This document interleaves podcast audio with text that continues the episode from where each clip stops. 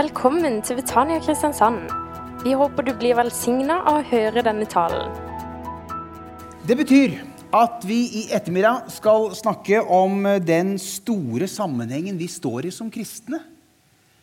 Det er nemlig ikke en hvilken som helst sammenheng.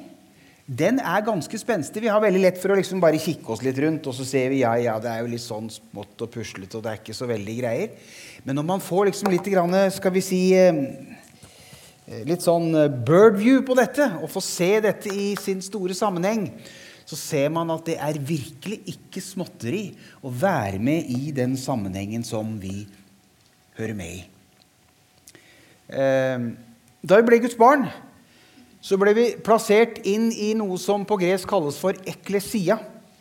Et ord som bokstavelig talt betyr 'de utkalte', altså de utkaltes forsamling. Eh, og denne forsamlingen, hold deg fast, den teller iallfall på papiret mer enn 2,4 milliarder mennesker. Det er Jesu Kristi kirke anno 2020.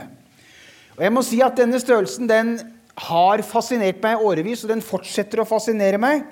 Ehm, og ikke minst i dag, hvor det er søndag. Kaller det gjerne for gudstjenestedøgnet. Tenke seg til. I dag er det mange hundre millioner mennesker som samles rundt omkring på forskjellige steder på hele kloden vår. Rett og slett fordi det er gudstjeneste. Og Sola står opp, ikke sant, en går sin gang, og jorda snurrer rundt. Og så priser man Herren der, og så er det nye tidssoner, og så priser man Herren der. Og nå er vi her. Så nå er det vi som holdt på å si, er med og priser Herren sammen med forskrekkelig mange andre. Ikke minst fordi at vi ligger jo da på en sånn Nå husker jeg aldri om det heter breddegrad eller lengdegrad når du går rundt kloden. Men vi ligger i hvert fall på linje med, med, med deler av Afrika. Og der har det jo foregått utrolig spenstige ting eh, i mange, mange år. Eh, og jeg må si jeg er veldig glad fordi jeg kan si og vite og kjenne og glede meg over at det er her jeg hører hjemme. I den flokken av de troende. Eh, I Den norske kirke så er det en bønn som gjerne bes i forbindelse med konfirmasjon. Og da sier man sånn La dem finne et hjem i din kristne kirke, så de sammen med alle som tror på deg, kan bekjenne ditt navn og i ord og gjerning takke og tjene deg. Finne et hjem. Ja, Det ble sagt her av han som ble intervjua. Jeg har et hjem her. Ja visst, jeg har et hjem.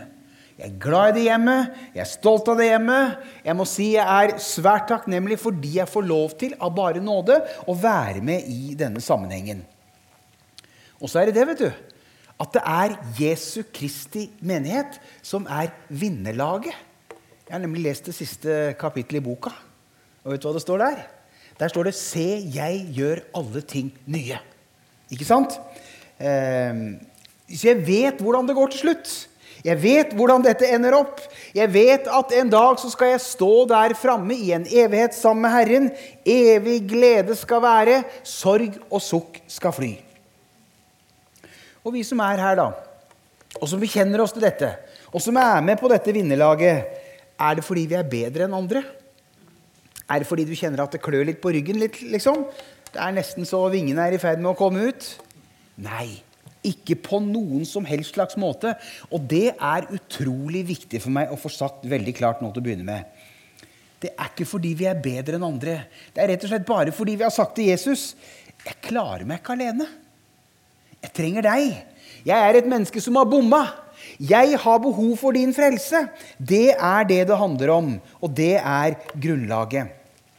Og denne størrelsen, menigheten, forsamlingen av de som tror på Jesus over hele verden, den skal vi altså kikke litt på nå denne ettermiddagen. Og nå skal se på det, så skal vi Ja, det var den bønnen, ja. Den kunne jeg fått med litt tidligere. Så er det disse to tingene vi skal snakke om. For det første skal vi se litt på hva menigheten er. Og for det andre skal vi se litt på hvordan Jesu Kristi kirke framtrer i dagens verden. Hva er menigheten? Da tar vi oss tid til å lese en liten bolk fra slutten av Efeserbrevet 1, de siste versene i det kapittelet. Og der står det sånn Må Han, dvs. Si Gud, gi dere lys til hjertets øyne, så dere får innsikt i det håp Han har kalt dere til, hvor rik og herlig Hans arv er for de hellige, og hvor overveldende Hans kraft er hos oss som tror. Med denne veldige makt og styrke reiste han Kristus opp fra de døde og satte ham ved sin høyre hånd i himmelen, over alle makter og åndskrefter, over alt velde og herredømme, over alle navn som nevnes kan, ikke bare i denne tid, men også i den kommende.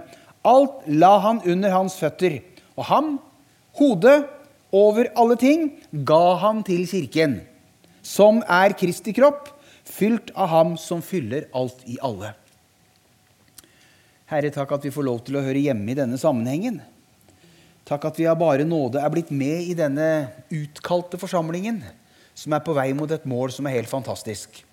Og Nå ber vi her at du skal gi oss nåde denne ettermiddagen til å, å, å forstå litt mer av hva det vil si å være med i denne sammenhengen, og også kunne få se litt mer av hvor stor og hvordan din kirke ser ut i denne verden. Herre, jeg ber om det i Jesu Kristi navn, at du skal hjelpe oss til det. Du skal holde forstyrrende tanker og makter borte. Og så skal du gi oss nåde til å konsentrere oss om deg og ditt ord alene. I Jesu navn. Amen. Hva er menigheten? For det første så er det en størrelse som har vært i Guds tanke fra evighet av. Og det er ganske spenstig. Du og jeg sitter nå og er med i en sammenheng som har vært i Guds tanke fra evighet av. Eh, Paulus han sier det sånn like før det avsnittet som vi leste med hverandre nå. Der sier han i Kristus utvalgte han oss før verdens grunnvoll ble lagt, til å stå for hans ansikt, hellige og uten feil. Og det ordet som der er oversatt med 'før verdens grunnvoll ble lagt', verden, det er det greske kosmos, som betyr det totale univers, den totale sum av alt her og nå. Eller sagt på forståelig norsk alt som eksisterer. Altså Før det eksisterte noe som helst, så bestemte Gud at en flokk skal arve min frelse, en flokk skal komme inn i en spesiell sammenheng. Og den sammenhengen har du og jeg fått lov til å komme inn i. Så det betyr at før det fantes ei stjernetåke, en melkevei, før Andromeda-tåka og Melkeveien og alle andre galakser var til, så, jeg holdt på å si, så var det noe som skjedde som var enda høyere på Guds agenda. Og det var at en flokk skal jeg skape som skal ha samfunn med meg i evigheten. Det er menigheten som han allerede der, den gangen, bestemte.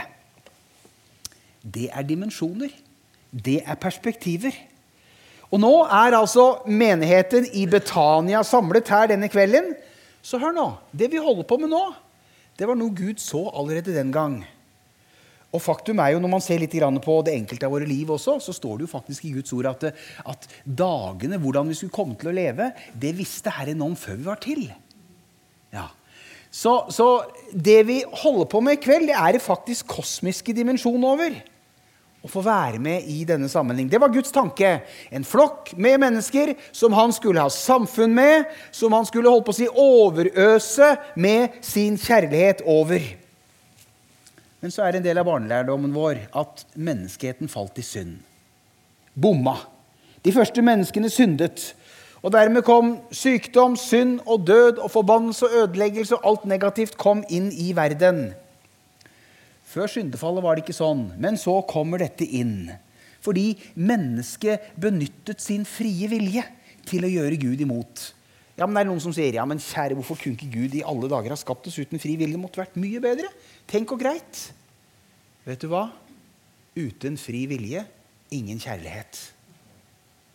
Uten fri vilje ingen kjærlighet. Da ville det jo vært roboter. ikke sant? Jeg har sagt det her på Betania før. Hvis jeg går ut en tur, og, og liksom før jeg går ut, så har jeg på en måte trykt på noen knapper bak på konas rygg, og så kommer jeg tilbake og så sier hun 'Jeg elsker deg, jeg elsker deg' jeg elsker deg når jeg kommer hjem. Jeg blir ikke mye rørt av det. Ikke sant? Fordi at jeg programmerte henne til å si det.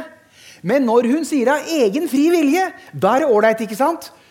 Og Gud er kjærlighet. Derfor var han nødt til Det er en del av hans vesen at han måtte skape oss med denne frie viljen. Men så var det dessverre sånn at de første menneskene bomma. De valgte feil.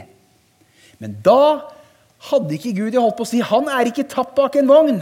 Han hadde virkelig bestemt seg for at jeg skal ha en flokk med mennesker som skal ære meg, som skal prise meg, som jeg skal ha samfunn med i evigheters evighet. Derfor satte han i gang en gigantisk redningsaksjon. Ja, dette har jeg ligger litt etter nå. Jeg glemmer helt å skifte her. Tydeligvis litt eh, på. Ikke sant? Redningsaksjonen.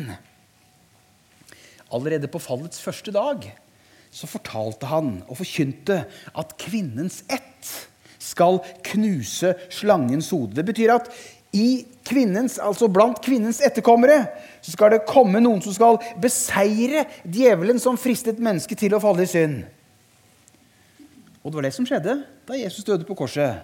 Da han hang der, utspent mellom himmel og jord, og ropte 'Det er fullbrakt'. Og så La de hans knuste legeme i graven, og så var han der. Men så kunne ikke dødsrikets krefter holde på livets fyrste. Fordi han var sterkere. Så han sprengte seg vei tilbake til livet. Og så sto han opp igjen, og så la han grunnlaget for dette. Og så sonet han din og min synd. Og så var hans seier en seier over alle mørkemaktene, over alle dødsmaktene. Og så viste han at han på den måten la grunnlaget for denne gjenopprettelsen av den brutte relasjonen som ble ødelagt i Edens hage. Men denne frelse, dette budskapet om det gjenopprettede, det må jo ut til folket. Og hvordan kommer det ut til folket? Jo, her kommer du og jeg inn i bildet. Her kommer faktisk menighetens tilblivelse inn i bildet, fordi han bestemte at gjennom den så skal dette budskapet nå all jordens folk. Så da Den hellige ånd falt på disiplene på pinsedag, og de fulle av ånd og kraft startet arbeidet med å gjøre Jesus kjent i verden, så skjedde det ganske utrolig enormt. Jeg må si jeg har tenkt på det flere ganger. Altså Disse disiplene, disse tolv reddharene som satt der, satt bak stengte dører, som han synger eh, Fagervik i en av sangene sine. Elleve menn i lag. Ikke sant? De, de, de var ikke mye høye i hatten der de satt. Eh, men så opplever de å første pinsedag, da ånden faller på dem, og de får kraften fra det høye, og så er det noe helt annet. Peter, som hadde stått og holdt på å si til og med banna på at han ikke kjente Jesus, nå sto han fram med en kraft og en autoritet som var helt hinsides. Så det er klart det måtte være noe spesielt. altså. Her var det en tømmermanns sønn som hadde vandra omkring i, i, i, det indre Middelhavet en, en 30 års tid og forkynt og fått en flokk med disipler rundt seg, og de var engstelige fordi han var død. Men så er det tydeligvis noe kraft i dette. denne oppstandelseskraften. Fordi du skal ikke lenger fram enn til 300-tallet etter Kristus. Hva hadde skjedd da? Jo, på pinsedag så ble 3000 døpt. Men allerede på 300-tallet så hadde kristentroen fått markert seg så tydelig og så kolossalt at keiser Konstantin bestemte seg for at dette skal være den offisielle tro i mitt rike. Og da regner man med, ikke sant, Siden dette hadde sprengt seg fram og blitt så enormt, så regner man med at omkring 50% over 50% av befolkningen i hvert fall i de østlige delene av Romerriket de hadde kommet til personlig tro på Jesus. Det er ganske vilt. Og disse menighetene som vi leser om, altså de hadde jo, de hadde, Det var jo hundretusener som var med i disse menighetene rundt omkring i Jesu Kristi kirke på den tiden. Det var helt enormt. Tolv reddharer som stakk av da det gjaldt som mest, de bidro til dette. Så det er tydelig at her er det en kraft utenfor disippelflokken selv som er med og er i sving. Det er kraft i evangeliet. Det er muligheter i evangeliet. Og Det er en fantastisk sammenheng vi har kommet inn i når vi har kommet inn i denne flokken. Jesus sier om menigheten at dødsrikets porter skal ikke få makt over dem. Og så er det viktig for meg å gjøre oppmerksom på følgende, nemlig at det finnes bare én menighet. Man kan nesten bli skremt når man ser rundt seg nå. ikke sant? Eh, hvor mange kirkesamfunn er det vi har? Jeg tror man snakker om at det er omkring 30 000. Ja. Forskjellige liksom, retninger av kristentroen. Den er splitta opp i et enormt konglomerat av avarter. Eh, holdt på å si Både arter og avarter, for å si det sånn. Det er jo ganske enormt. Eh, og så sier jeg likevel at det er bare én menighet. Ja, det er det. Det er menigheter i Kristiansand, mange her. Det er i Grimstad, det er i New York, det er rundt omkring over hele verden. Eh, ja, men i bunn og grunn så handler det om én menighet. Fordi vi snakker om den globale og den lokale menighet. Ikke sant? Den lokale menighet, den troende flokken som kommer sammen og, og, samles, sånn som vi gjør her nå, og sånn som man gjør overalt i hele verden, og som til sammen er en veldig svær flokk. Men alle disse lokale menighetene rundt omkring over hele jorda utgjør til sammen Jesu Kristi kirke totalt sett. Altså den globale menigheten. Men alle disse kirkesamfunnene, hva med de, da? Det er jo en skam. Det er jo det. Altså, det er liksom det var ikke så veldig lenge. Vi ser jo allerede på Nytestamentets tid at tendensene begynner å komme til at kirkefolket begynner å splitte seg opp i ulike grupper. Eh, jeg underviste litt på en onsdagskveld her, og da snakket vi litt om første korinterbrev. Og der er det jo snakk om at jeg holder meg til Paulus. Jeg holder meg til Apollos. Jeg holder meg til Kefas osv. Og, så og så ser man allerede der kimen til ulike retninger. Og så har dette holdt på ned igjennom, og så er det veldig mange forskjellige retninger i dag. Og Det kan jo kanskje være litt forvirrende, men vet du hva? I bunn og grunn så er hele denne flokken, dette enorme konglomeratet, er én flokk. Vi kan ha forskjellige oppfatninger. Vi kan ha forskjellige teologiske læresetninger. Vi er litt forskjellig anlagt også. Noen er veldig sånn, ikke sant? og andre er stille og rolige. Har du sett ei bjørk og ei gran som står ved siden av hverandre? Nå er det kraftig vind, og vinden blåser. Bjørka vet du, er helt med, ikke sant? Og grana bare står der og vipper så vidt fram og tilbake. Det er den samme vinden. Det er den samme vinden som, som, blåser. Altså, Vi er veldig forskjellige også som mennesker, men vi hører inn i den samme sammenhengen. Og Jesus han ba om noe før han dro herfra. Jesus såkalte yppersteprestelig bønn i Johannes 17, så ber han om at de alle må være ett. Og det er vi dypest sett når Gud ser ned på oss, så ser han ikke katolikker og ortodokse og pinsevenner og frie venner og lutheranere og baptister og, og alt dette her. Han ser én flokk. Han ser sin menighet. Det er bare at vi har så veldig ofte glemt det der. der. Og vi, vi, er så opptatt av holdt på å si, vår egen isme og vår egen, vårt eget ve og vel at vi glemmer å demonstrere for verden at vi er én flokk. Så om jeg kommer til Santiago eller Lagos eller Shenzi i Kina eller ut til den egyptiske landsbygda og treffer folk som tror på Jesus Uansett kirketilhørighet så treffer jeg en bror eller en søster som er en del av den samme universelle organismen som menigheten er, nemlig Jesu Kristi kirke på denne jorda. Jeg glemmer ikke, for jeg har vært ganske mange turer i Israel med diverse grupper. Og, og, og hatt de rundt i landet. Og jeg husker en gang jeg var der nede, hadde med yngstedattera, som er ti år, en solid attpåklatt, ti år yngre enn den nest yngste. Og så måtte man jo få jenta noe mat, da. Så da gikk vi på McDonald's. For det var jo, det var jo greit i en av McDonald's-restaurantene i Jerusalem.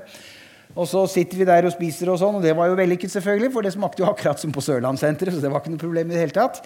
Eh, og så er hun veldig utadvendt og veldig til å ta kontakt med folk. Og sånn. Og så fikk hun kontakt med noen koreanere som satt der. Så begynte de å snakke sammen. Og så begynte jeg også å snakke med dem etter hvert. da. Og så viste det seg at de var i Jerusalem holdt på å si samme ærend som meg. De var der som, holdt på å si, som en del av en gruppe for å se på disse stedene og bli kjent med dette her osv. Eh, og så opplever jeg noe som virkelig som både forundrer meg, som jeg har tenkt på mange ganger senere. Det var plutselig en sånn samhørighet imellom oss. Det var helt vilt, altså! For å si det på sørlandsk. Det var helt vilt. Jeg er ikke så flink til å snakke sørlandsk. Det var ikke så veldig sørlandsk, kanskje. Jeg er født og oppvokst på Østlandet og eh, trives for så vidt med det, men har bodd på Sørlandet 30 år nå, så det går også veldig bra. Helt utmerket. Vil si, vinteren er litt trist, da. Ja, men Det er den forresten blitt på Østlandet etter hvert. også nå med. jeg passe meg. Jeg er eh, pratmaker og kan fort prate meg langt bort på viddene. Nå skal jeg stramme inn igjen. Hør nå her. Det å oppleve liksom den der, Det var liksom noe som du kunne nesten, ta og føle på. Jeg kan ikke forklare det. Det var bare et fellesskap. You are a man of God, sa en av disse her. her. Og vi kjente liksom dette fellesskapet med en gang. Helt utrolig. Tusenvis av mil imellom. Aldri sett disse menneskene før. Kommer helt sikkert aldri til å se dem igjen heller før vi er over på den andre sida. Men allikevel gudsnærværet og den dype følelsen av samhørighet ubeskrivelig. Jesu Kristi kirke er en enhet og er en helhet. Og jeg må si, Det forstyrrer meg ingenting hva slags merkelapper man har på. Eh, jeg husker tilbake til 70-tallet, da vi å si, begynte å røre oss litt sånn eh, på tvers av kirkesamfunn hjemme på Hadeland. Jeg var da vokst opp på Betel på Harestua og, og, hadde selvfølgelig min trygge hjem der. Noen andre var vokst opp i indremisjonsmiljøet lenger opp i, på, i bygda, og, og, noen var vokst opp her og der osv. Og, så og så fant vi sammen. Og så begynte vi å synge sammen i et ungdomskor som het Agape, som hadde sin glanstid på 70-tallet. Eh, det feida ut etter hvert, som de jo gjør ofte med sånne ting. Eh, men i hvert fall, da var det noe som satte seg i ryggmargen min, og som har sittet der siden. Jesu Kristi venner hører sammen uansett. Og jeg husker eh, jeg husker både en del av folkene hjemme på Betel hvor jeg kom fra, de var litt skeptiske. I alle dager skal du være sammen med disse lutheranene, liksom. Det er noen stive greier. Det, det funker ikke. Og de var like skeptiske. Disse her frilynte folka. Dette funker ikke bra. Men vi fant hverandre. Og vi fant at vi er ett i troen på Kristus. Vi er på vei til det samme målet. Og vi smelta totalt sammen. og Det var liksom ikke snakk om verken den ene eller den andre merkelappen. Det var bare en gjeng som hører sammen i fellesskapet omkring Jesu Kristi kors. Og vet dere hva? Og nå er det noen av dere som ikke liker helt det jeg kommer til å si. Vet dere, oppdaget de siste årene, Jeg har oppdaget at jeg har enda flere søsken nå. Det vil si, jeg oppdaget det allerede den gangen. Jeg husker vi hadde besøk av eh, ei katolsk jente som hadde bare på sånn utvekslingsstipend og blei med i koret. Hun trodde jo på den samme Jesus som oss. vet du. Jeg ble rett og slett litt forskrekka. Jeg som hadde lært at det her er jo bare, bare pave og avlat og all verdens greier. Jeg fikk et fellesskap og fikk kjærlighet og fikk noe med dette. Og dette satte seg i meg, dette også. Så jeg må jo si de senere årene, jeg håper å si kanskje særlig etter at Frans ble pave, så har jeg faktisk sett at her er det et og annet. Vi skal ikke virkelig sitte på vår høyhest. Det er bare vi som har det. Nei, jeg har ikke noe særlig tro på avlat. Eh, jeg har ikke noe særlig tro på, på Marias eh, si, fullkommenhet, sånn som han snakker om det. Eh, jeg har ikke tro på pavens ufeilbarlighet. Jeg har ikke tro på alt dette. Men jeg merker noe. Jeg merker når jeg treffer katolske brødre og søstre, at vi er ett i troen på Kristus. Var dette litt i villeste laget, eller? Går det an å si dette i Betania? Det må gå an. For hør nå her. Når du kommer til himmelen Nå skal jeg skremme deg. Du kom til å treffe hundrevis av millioner av katolikker i himmelen som skal prise Herren akkurat like herlig som deg. Det må ikke bli sånn, vet du, som han eh, holdt på å si, den der frie vennen som kom til himmelen. Og så, og så, og så, så sa de nå må du være veldig stille, nå må du ikke bråke. ikke sant? For der holder lutheranerne til, og de tror jeg er alene her. Vet du hva? Vi er ett i Kristus. Vi er ett i Kristus. Og venner, det må vi vise verden i sterkere grad. Nå har man kommet et stykke på vei her i denne byen. Men tenk om vi kunne fylle på å si, Sør Arena med troende fra alle menigheter og alle sammenhenger, som står og virkelig markerer klart og tydelig her står vi fordi vi er ett i troen på ham. Det ville være et vitnesbyrd. Ehm, jeg bor i Høvåg. Det vet dere, dere som kjenner meg.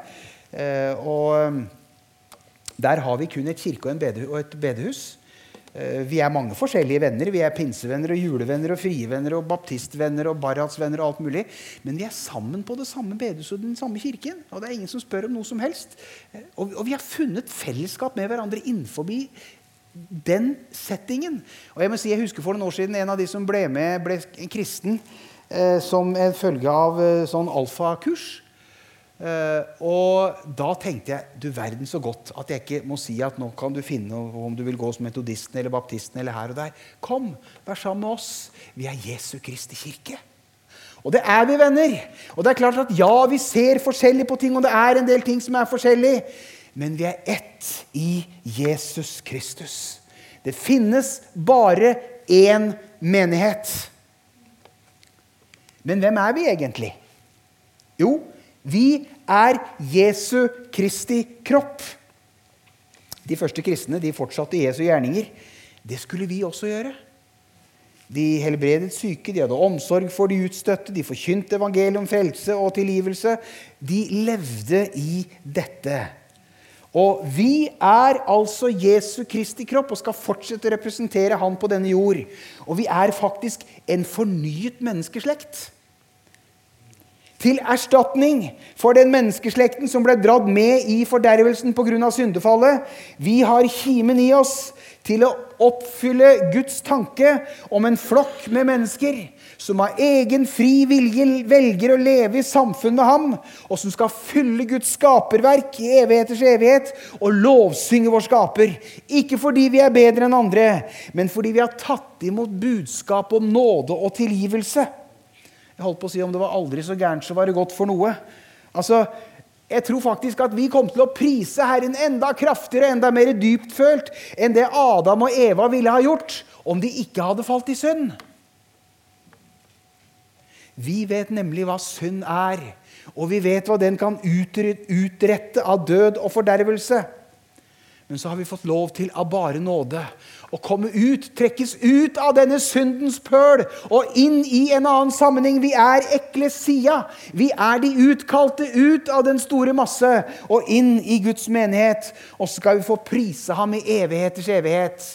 Et liv jeg nå eier som aldri kan dø, i Kristus det evige liv. Fikk plass i mitt hjerte som spirende frø, har oppreist det nedbrutte siv. Mitt hjerte er mettet av Guds velbehag og nyter den solklare dag. Mitt hjerte er mettet av Guds velbehag og nyter den solklare dag. Hør her. Vi er barn av morgendagens verden. Den flokken som en dag skal prise ham, og det blir en glede og det blir en har vi ikke kjangs til å forstå det.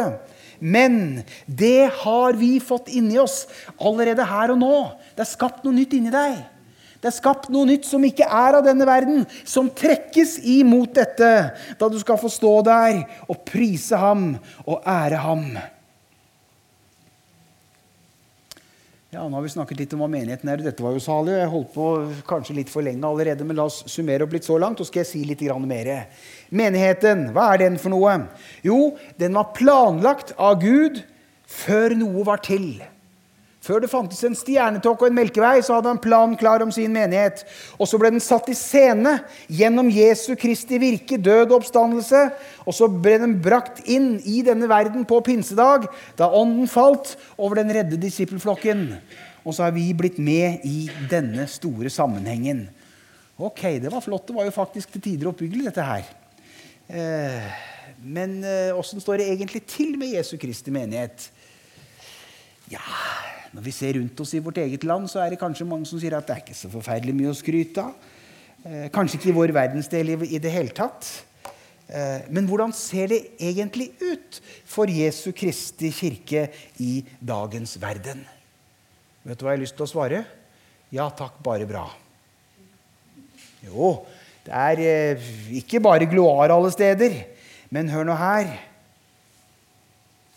Eh, det sto, en, eh, det sto, en, artikkel i Aftenposten en julaften for en del år siden. Det var Stanghelle, som kjent kommentator, som skrev følgende eh, Vi som trodde at religionens makt var utgått på dato, vi har tatt grundig feil.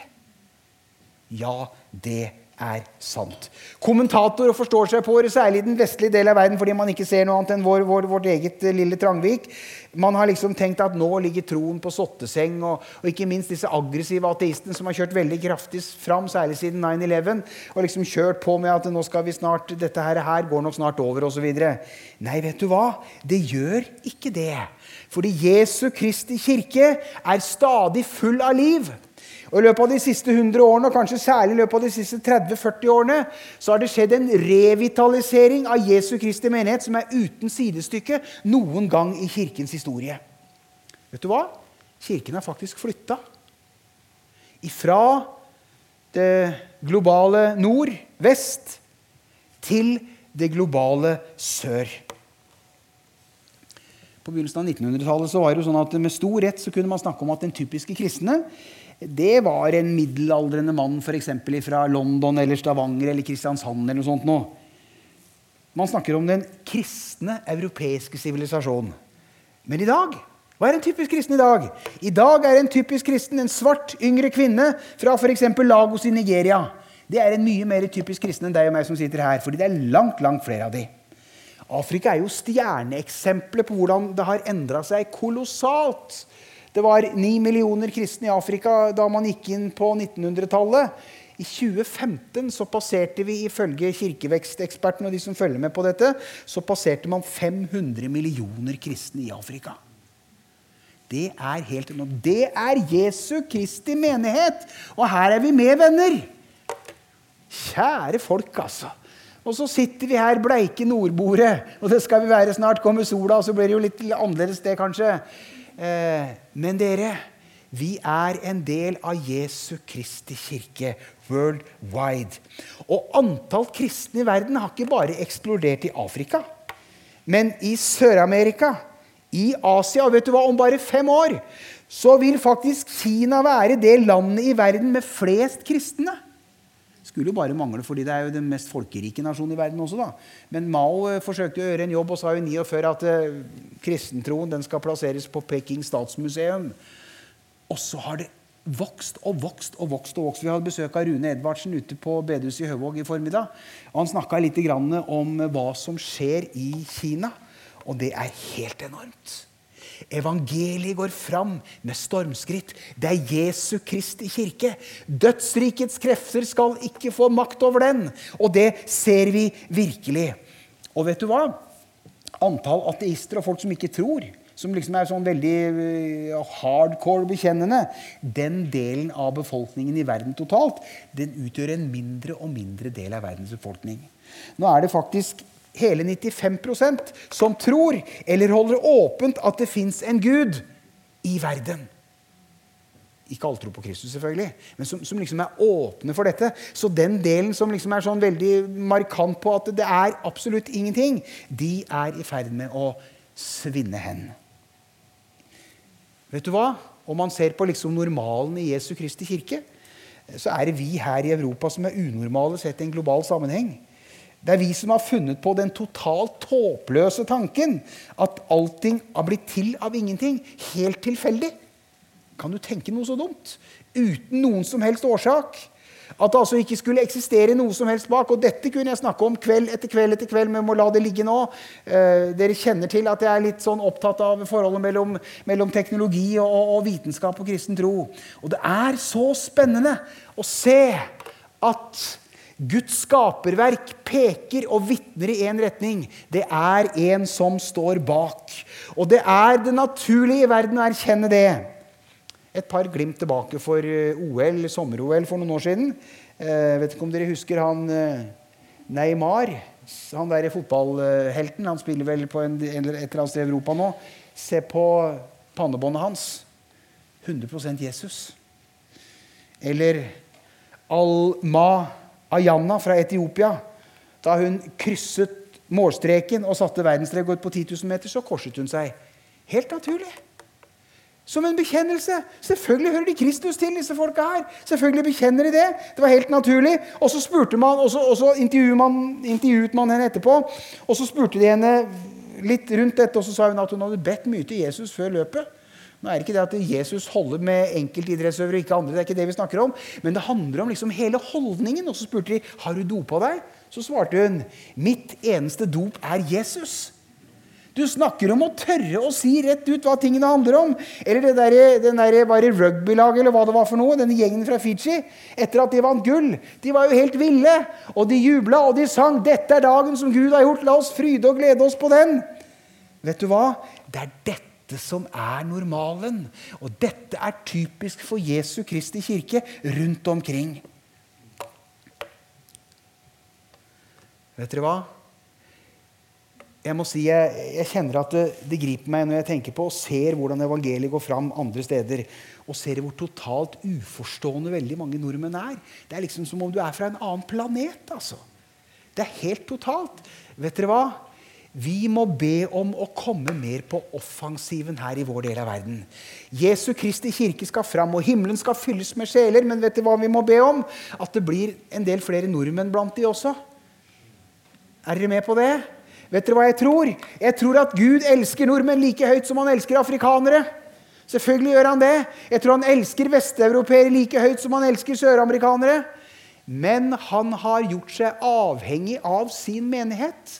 Det er vi som har fått oppdraget. Gå ut i all verden og forkynn evangeliet. Proklamer og vær et vitne for Jesus. Og Da tror jeg det er viktig at vi kan vise at vi er en samlet kristenhet. Jeg har streifa det litt, og det tror jeg er viktigere enn noen gang før. At vi lærer av hverandre. Vi erkjenner som Paulus at vi ser stykkevis og taler profetisk stykkevis osv. Vi har ikke alle akkurat samme fromhetstype når vi er litt forskjellige, og det er greit, det. Vi kan være forskjellige flokker, men vi hører med i den samme store flokken. Ta med oss dette til slutt. Johannes 17. Jeg ber ikke bare for dem, altså sine egne disipler, men også for dem som gjennom deres ord kommer til tro på meg. Må de alle være ett slik du, far, er i meg og jeg deg, slik skal også de være i oss, for at verden skal tro at du har sendt meg. Den herligheten du har gitt meg, har jeg gitt dem, for at de skal være ett, slik vi er ett, jeg i dem og du i meg, så de helt og fullt kan være ett. Da skal verden skjønne at du har sendt meg, at du elsker dem slik du elsket meg. Vi trenger å stå sammen i troen på evangeliet og vise en enhet og et fellesskap som vi ikke har vist før. Og så trenger vi å søke Herren. Han har planer med oss. Han vil bruke oss i sitt rike. Amen. Du har nå hørt en tale fra Betania Kristiansand. For mer informasjon kan du besøke våre hjemmesider på betaniakrs.no.